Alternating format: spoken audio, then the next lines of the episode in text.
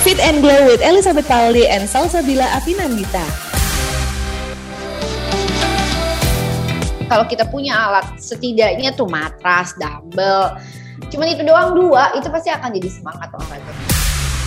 Waduh, nggak ada sih sebenarnya kata kata males gitu ya buat olahraga Mm-mm. karena itu bisa banget dilakukan hanya dengan kita one click away doang lah.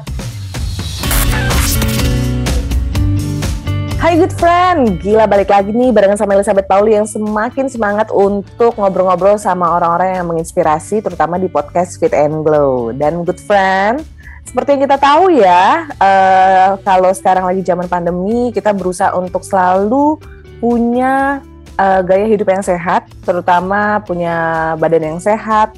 Dan ketika lagi memiliki tubuh yang sehat itu, tentunya terdapat jiwa yang kuat. Pernah dengar nggak kalimat itu? Ya kan? Nah, itu penting banget juga, terutama bukan cuma kesehatan tubuh kita, tapi juga kita harus punya mental yang kuat. Nah, salah satunya adalah dengan cara berolahraga. Jelang 2022 ini, kira-kira olahraga apa sih yang masih bakal happening nanti di tahun depan? Dan kali ini gue pengen ngobrol-ngobrol sama seseorang yang udah akrab banget dengan olahraga. Dia certified personal trainer, pre-postnatal fitness, juga sport nutrition and aerobic. Nah, seru banget nih. Di mana gue udah pernah ngobrol sebelumnya sama satu orang ini, di mana em, dia itu menginspirasi ya, karena terakhir dari ngobrol-ngobrol sama dia, memulai olahraga itu harus mulai dari yang simpel dulu. Dan terapin olahraga itu bukan lagi cuman menjadi gaya hidup sehat, tapi menjadi sebuah kewajiban, keharusan yang memang harus dilakukan nggak harus tiap hari, tapi at least dalam waktu satu minggu, 2 sampai tiga kali. Yep. Dan kali ini gue pengen ngobrol-ngobrol sama Salsa Bila Afinandita, yang juga adalah seorang fitness entrepreneur. Hai Salsa, kita ketemu lagi nih. How are you? Hai Mbak, ketemu lagi kita. Luar biasa loh, Salsa ini ternyata pas aku godok Instagramnya, dia adalah ibu dari dua anak. Iya. Your body is really, really kayak nggak kelihatan kayak ibu dua anak sih. Aduh amin deh. Keren sih, oke banget penampilannya. Kamu tuh emang olahraga apa aja sih, Sa? Olahraganya aku itu lebih ke angkat beban sih sebenarnya. Kalau dibilang itu resistance training, latihan pengencangan otot sama latihan eh, kekuatan. Tapi aku memang fokusnya untuk di eh, pembentukan badan yang perempuan. Mm, mm. Gitu. Oke. Jadi kan suka banyak tuh yang mikir, waduh nanti kalau angkat beban eh, bakal ototnya kayak Mas Aderai gitu ya, ya tapi susah juga gitu sebenarnya. Nah, kalau aku lebih fokusnya di perempuannya gitu.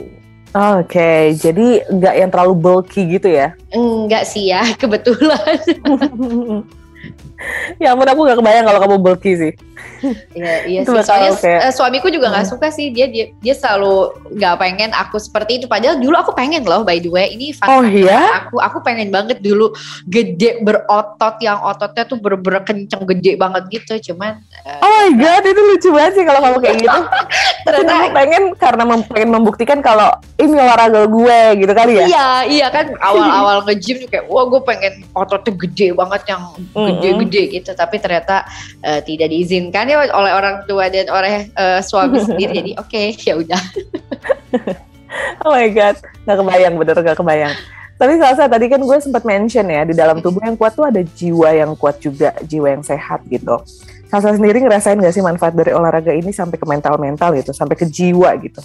ngerasain banget apalagi eh, di era yang penuh dengan kesetresan ini apalagi udah jadi dua ibu eh udah jadi dua ibu lagi jadi dua anak.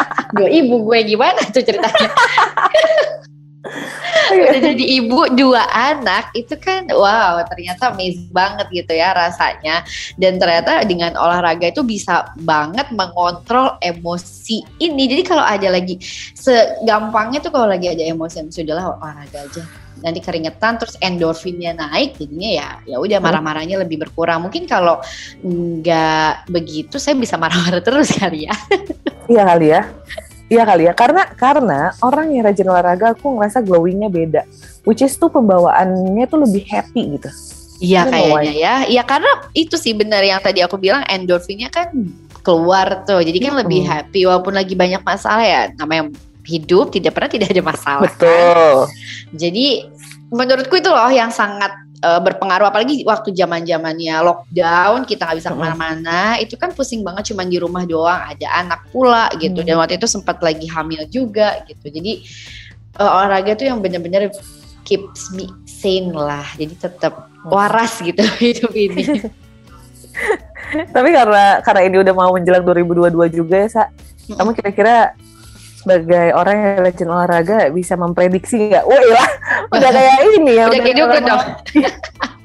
Tapi kelihatan gak sih kayak oh nih 2022 nih olahraga ini nih masih akan happening nih. Kelihatan gak sih? Kelihatan, kelihatan banget. Jadi apa tuh? Apa 2022 aja yang pertama itu pasti online. Olahraga online tuh masih happening karena orang mungkin hmm. udah banyak yang WFO, udah banyak yang berkegiatan, tapi kan mereka masih menghindari untuk yang terlalu rame kan. Jadi pasti yeah. mereka lebih pilih ya udah dia apalagi yang misalnya udah berkeluarga, udah dia gue olahraga di rumah aja gitu. Atau pun, nah ataupun olahraga di luar itu mereka cari yang gak ada di rumah. Misalnya gym, hmm. alat-alat kan nggak nggak mungkin dong kita beli semua ya di rumah, kita kan pasti minimal yeah. aja gitu.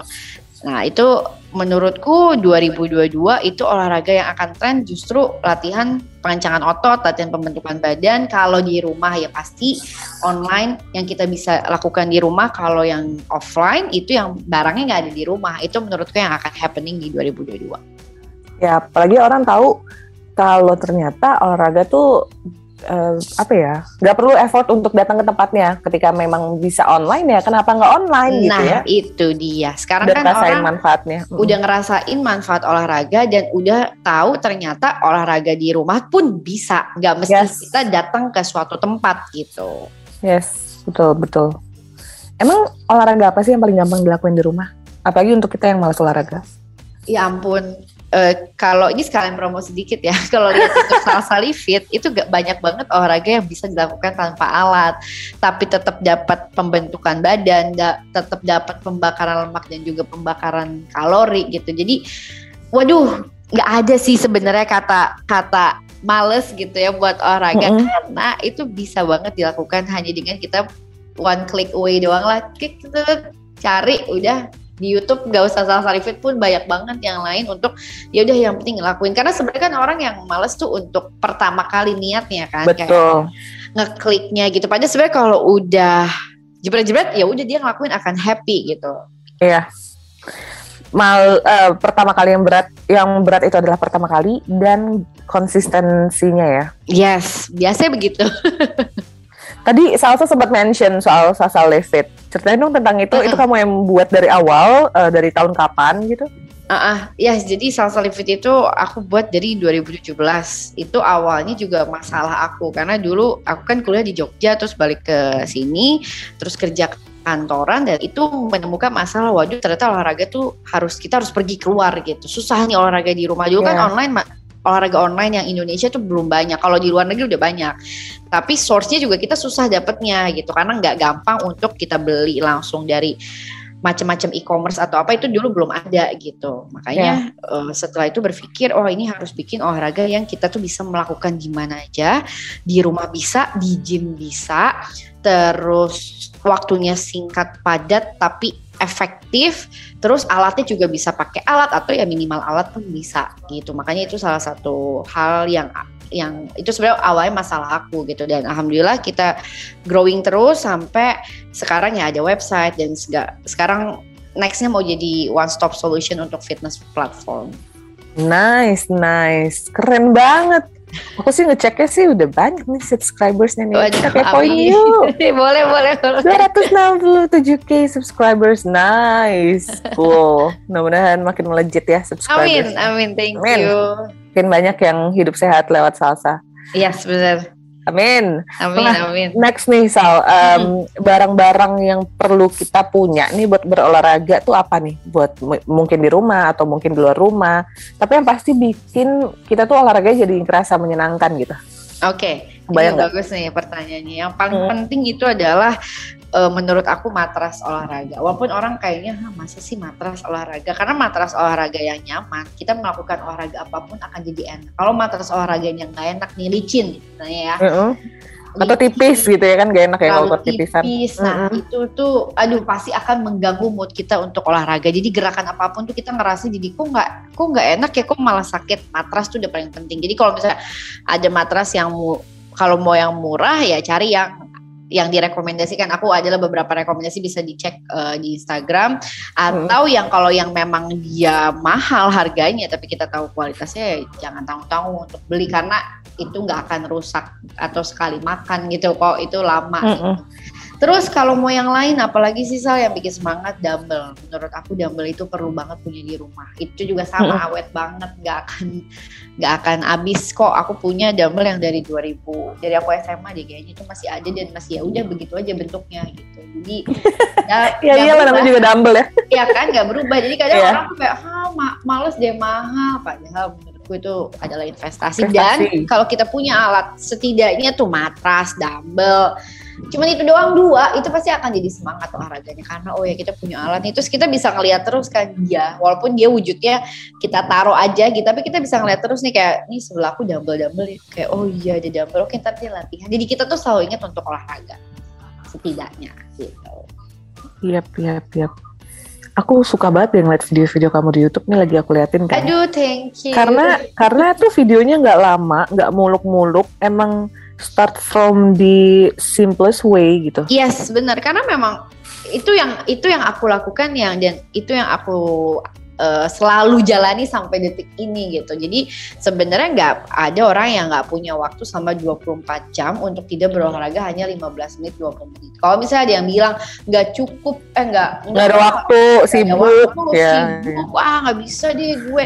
Sebenarnya kita lagi ngapain aja nih? Aku kayak kemarin aku sempat tuh ngerasain momen anakku baru MPASI by the way kemarin tuh uh, beberapa ya dia dia baru tujuh bulan kan jadi sebulanan ini tuh baru MPASI jadi aku harus agak atur lagi nih waktunya untuk siapin dia makan segala macam untuk ngurusin anakku yang pertama juga dia sekolahnya online segala macam nah itu sempat kok susah ya atur waktu nah ternyata itu cuman aku perlu sekitar dua minggu untuk kayaknya gimana caranya biar atur waktu yang pas ternyata bisa uh -huh. gitu sebenarnya kalau kita niat itu sebenarnya pasti selalu akan ada jalan kayak kita mau belanja aja kalau kita belanja kan gak ada duit juga diada-adain yeah. kan di ya bisa. Well, this is the positive side sih.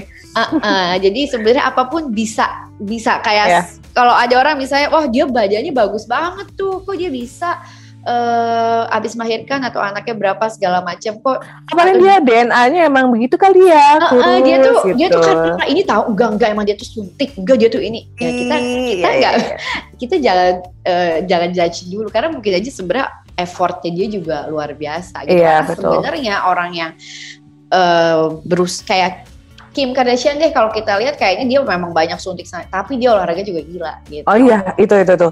Gue awalnya uh, sebelah mata loh ngeliat dia kayak ya apa sih? gitu ya. He is rich. Dia bisa treatment apa pun yang dia mau. Tapi ternyata dia rajin olahraga juga oh sih. dia dia rajin banget olahraganya. Dia bahkan uh, pernah dia waktu itu mau photoshoot dia itu sehari dua kali. Jadi hmm. dia sama PT-nya beda. Yang satu tuh dia pilates atau yoga dulu pagi-pagi atau ketuker uh, abis itu dia yang angkat beban, kardio segala macam. Dia benar-benar segitunya buat olahraga. Jadi makanya kalau kita lihat dulu juga kan aku gitu berpikir aku ngeliat artis luar negeri gitu bule gitu, wah dia mah bajunya bagus ya udah gen gitu. Ya, dia kayak gitu mah udah gen, udah gen, selalu nyalahin gen, selalu nyalahin gen. Tapi ternyata pas kita lihat ya nggak mungkin lah kayak dia kayak gitu olahraga kalau dia cuma sehari harinya cuma gym doang, nggak bergerak aliran yeah. darahnya juga nggak lancar, yeah. ya, badan juga akan kebentuk, simpelnya gitu. Yes, yes. Wow, ini kalau dilanjutin dua jam nih podcast ya. ya Salsa thank you so much loh udah ngobrol-ngobrol di Fit. Thank you, thank you. Senang sekali. Sama, sama. Dan kalau good friend pengen tahu lebih banyak tentang Salsa tuh bisa ke mana aja nih, Sa? Instagramnya ada bisa, berapa sih? ada uh, Instagram pribadi aku @salsafianita kalau itu isinya ya aku dan anak-anak dan suami aja tapi kalau di @salsalifit teman-teman bisa lihat ada olahraga-olahraga yang simpel terus tips-tips yang memang sudah kita kurasi. Jadi di tim Salsa Levit kan kita punya beberapa tim. Kalau hmm. mau ada masuk ke konten itu pasti kita kurasi dulu sebelum. Jadi nggak cuma ya udah deh sekonyong-konyong masukin aja, masukin aja, masukin aja nggak bisa karena kita harus kurasi yeah. dulu ini bener nggak infonya, ini valid yes. gitu. Bahkan kita suka confirm lagi misalnya yang itu ada tentang uh, yang harus ke dokter itu aku biasanya confirm dulu ke dokter eh, ini bener gak sih kayak gini nanti oh, kalau nice. dia bilang oke okay, oh ya udah oke okay kok emang bener kayak gitu nanti kita jadi uh, tipsnya uh, bisa dipercaya lah karena kita kurasi dulu nggak langsung Keren. dimasukin. Keren, itu yang dibutuhin zaman sekarang. Jadi Yes. nggak ngasal infonya. Bener nggak ngasal. Thank you sekali lagi Salsa dan Thank you. Yeay, mudah-mudahan Salsa sehat terus, Siap, eh, amin. keluarganya juga sehat terus. Amin. And as a fitness entrepreneur, karirnya melejit, cuannya Amin. nambah. Amin, amin, Amin. amin. Dan good friend, eh, kamu juga bisa dengerin ya, jangan lupa dengerin Fit and Glow ini bisa di, di Delta FM, Bahana FM dan juga Female Radio dari hari Senin sampai Jumat jam 10 pagi sampai jam 4 sore. Oke? Untuk mendengarkan versi lengkapnya hanya ada di Spotify Emasima Podcast. Fit and Glow with Elizabeth Pauli.